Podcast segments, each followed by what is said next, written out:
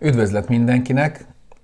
Én László Ficsaba vagyok, és most kicsit beszélgetni fogok Bíró Balázs kollégámmal. A doktor úr most a inléjekről fog nekünk egy kicsit beszélni, hogy mi is az az inléj, mire is jó az, miből is készül, mikor is kell azt csinálni. Szóval ennek az inlének van ám egy magyar neve is, ez a betét. És egy ilyen fogakba készülő betétről van szó, ami kicsit hasonlít a töméshez, de mégsem tömés, hanem inléj.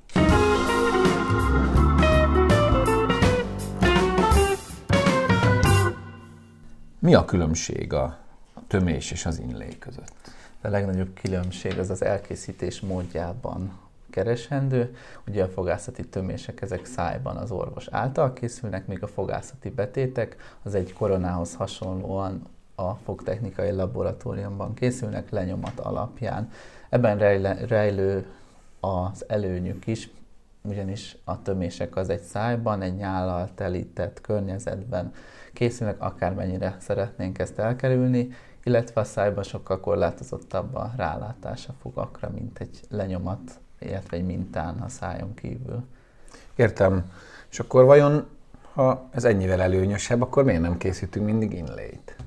Hát ezért nyilván ö, az előnye mellett hátrány is van, ez általában sajnos az árban keresendő, viszont azért egyre kedvezőbben hozzá lehet most már jutni. Illetve eddig az inléjek viszonylag kevésbé voltak ismertek is, illetve népszerűek kollégák körében. Azért szerencsére most már minden rendelőben találkozunk ilyenekkel, de azért ehhez is szakértelem kell, hogy ezt jól tudjuk csinálni. Értem. Milyen anyagból készülnek ezek az inléjek? A négyféle anyagból készítjük, itt a rendelőben leggyakrabban kerámia anyagból készítjük az inléjeket, emellett fémből készülhetnek, itt nyilván az esztétikával kompromisszumot kell kötnünk, emellett kompozit anyagból készülnek, ebből egyébként a fogtömések szoktak még készülni, valamint cirkonból.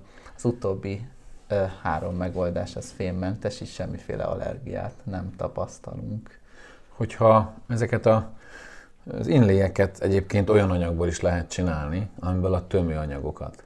Akkor miért jobb, vagy miben más, hogyha laboratóriumba készül el ebből az anyagból az inlay, ami egyébként egy tömőanyag, tehát itt a rendelőben is elkészülhetne. Szóval miért jobb az abban adott esetben, hogy a laboratóriumba készülő eszközzel, vagy hát inléjjel, vagy betéttel egészítjük ki a fogat, és nem tömőanyaggal. Hát a fogászati töméseknek a legnagyobb ellensége az a nyál és a nedvesség.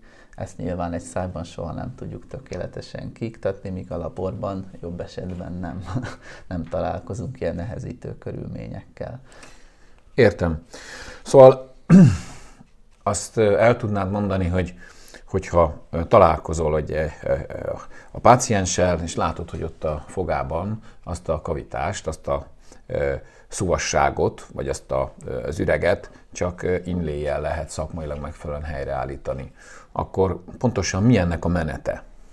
Ugye első alkalommal egy konzultáció során felmérjük, hogy mik a lehetőségek, és ha inléjre, inléj mellett döntünk, akkor az üreg előkészítése után szükséges vennünk egy lenyomatot, akár csak a koronákhoz.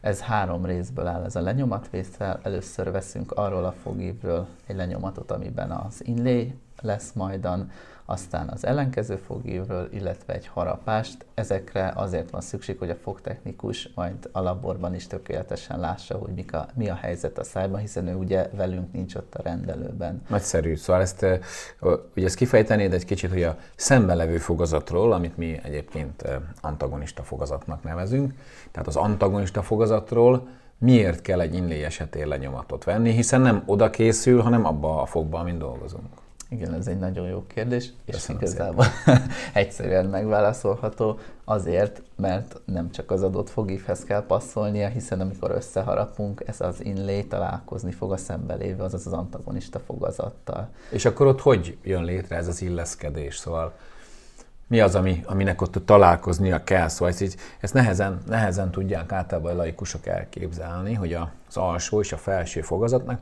bizonyos szempontból pontosan össze kell passzolnia, tehát vannak csücskök, és vannak barázdák, és azoknak pontosan kell érintkeznie. Tehát, hogy inlé készítés esetén is ezeket össze kell pontosan hangolni az alsó és felső fogazatban. Szóval, amikor az antagonista fogazatról veszük a lenyomatot, akkor azért készül ez a lenyomat, jól mondom? Igen, azért készül, igen. hogy pontosan ahhoz, ahhoz illeszkedjék. És mi az a és mi az, amikor az oklúziót rögzítjük, mert szépen az oklúziót is rögzítjük ezeknél a fogtechnikai munkáknál. Oklúziónak, hát a doktor úr elmondja, hogy mi is az az oklúzió. Hát ugye minden fognak megvan a saját anatómiája, és ezeknek az anatómiai viszonyoknak van egy egészséges, egy fiziológiás találkozása. Mi minden esetben erre törekszünk, természetesen ez nem mindig valósul meg, de azért igyekszünk a legjobbat nyújtani. Megvan igazából egy meghatározott csücsök barázda találkozás, ez most nyilván itt a videó kereteit meghaladja, de ez természetesen a jól felkészült fogtechnikusok és mi is tudjuk, hogy hogy lenne az ideális, erre törekszünk. Értem. Na most ott tartottunk, hogy készül a páciensnek egy lenyomat a, erről, a, erről a kavitásról, erről az ülegről, amely az inlé kerül be, ugye, de az a, ezt előtte ki is kell alakítani. Tehát tulajdonképpen megjelenik a páciens, akkor észleljük, hogy ott egy szúvasodás van a fogába, és akkor el kell dönteni, hogy vagy a tömés irányába indulunk el, vagy az inlégy irányába, hiszen a kettőnek nem ugyanolyan lesz a preparációja.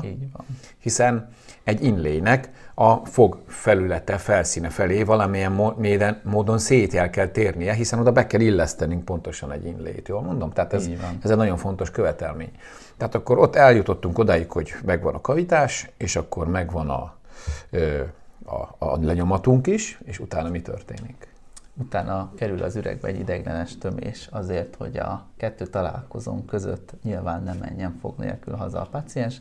Következő alkalommal megkapjuk a kész munkát, eljön a kedves paciens, kiszedjük az ideiglenes tömést, és mint egy puzzle darabját beillesztjük a betétet az általunk előtte kialakított üregbe, ami ugye az elkészítési mód miatt ez pontosan kell, hogy stimmeljen.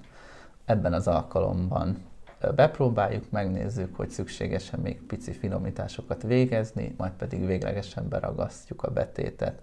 Ilyenkor ugye fontos ezért, és megkérjük a pacienst, hogy a ragasztást követő három órában kerülje az étkezést, illetve azt követő 24 órában pedig bizonyos dolgokra figyelni kell, tehát nagyon kemény ételeket, ragadós ételeket kerülnie kell. Erre egészen egyszerűen azért van szükség, mert ennyi idő kell a cementnek, ennek a ragasztónak, amivel berögzítjük a betétet, hogy teljesen megkössön.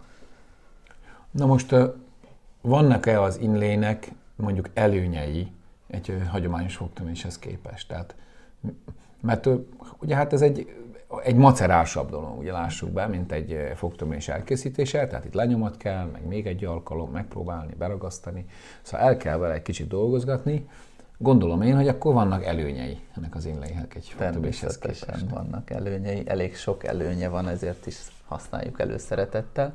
Az egyik legnagyobb előnye, hogy lényegesen tartósabb megoldást tudnak nyújtani, mint a fogászati tömések. Ezek egészen egyszerűen az elkészítés módjától keressük, vagy várjuk ezt a választ, amit ugye megbeszéltünk. A második, hogy lényegesen erősebbek, így a bizonyos helyzetek, például a gyökérkezelt fogak esetében nagyon előszeretettel használjuk, mert a gyökérkezelt fogak idővel meggyengülnek, és töméssel azért nem lehet mindig a megfelelő biztonsággal elengedni a pacienst.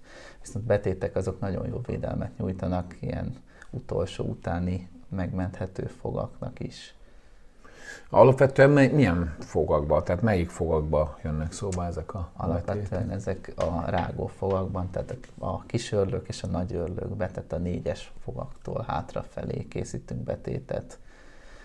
Egészen egyszerűen az esztétika miatt azért front régióban nem mutat jól, hogyha látszik a saját fog és a a betétnek a határ, ilyenkor inkább koronát keresünk, viszont a betéthez lényegesen kevés, kevesebb foganyag feláldozása szükséges, ami a rágó fogaknál egyszerűen a rágó erő terhelése miatt nagyon fontos. Na most a nagyon érdeklődő nézőink, azok, hogyha ezt megnézik az interneten, akkor fognak találni három eltérő dolgot, ami nagyon hasonlít egymáshoz. Ezek az inlay, az onlay és az overlay nevezetű eszközök. Hogy tudnál egy kicsit arról beszélni, hogy ezek között tulajdonképpen mi a különbség?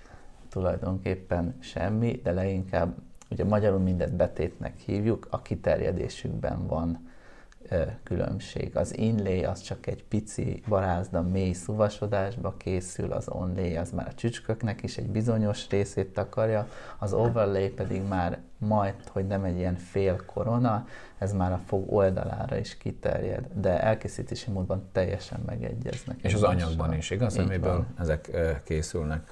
Jó. A kerámia inlé és az aranyinlét összehasonlítva, ugye, a, ugye az aranyinlé azért nagyon-nagyon sokáig egy nagyon divatos dolog volt, mert piszkosul jól lehet vele dolgozni, igaz? És, és egy elég tartós, pontos inléjeket lehet készíteni.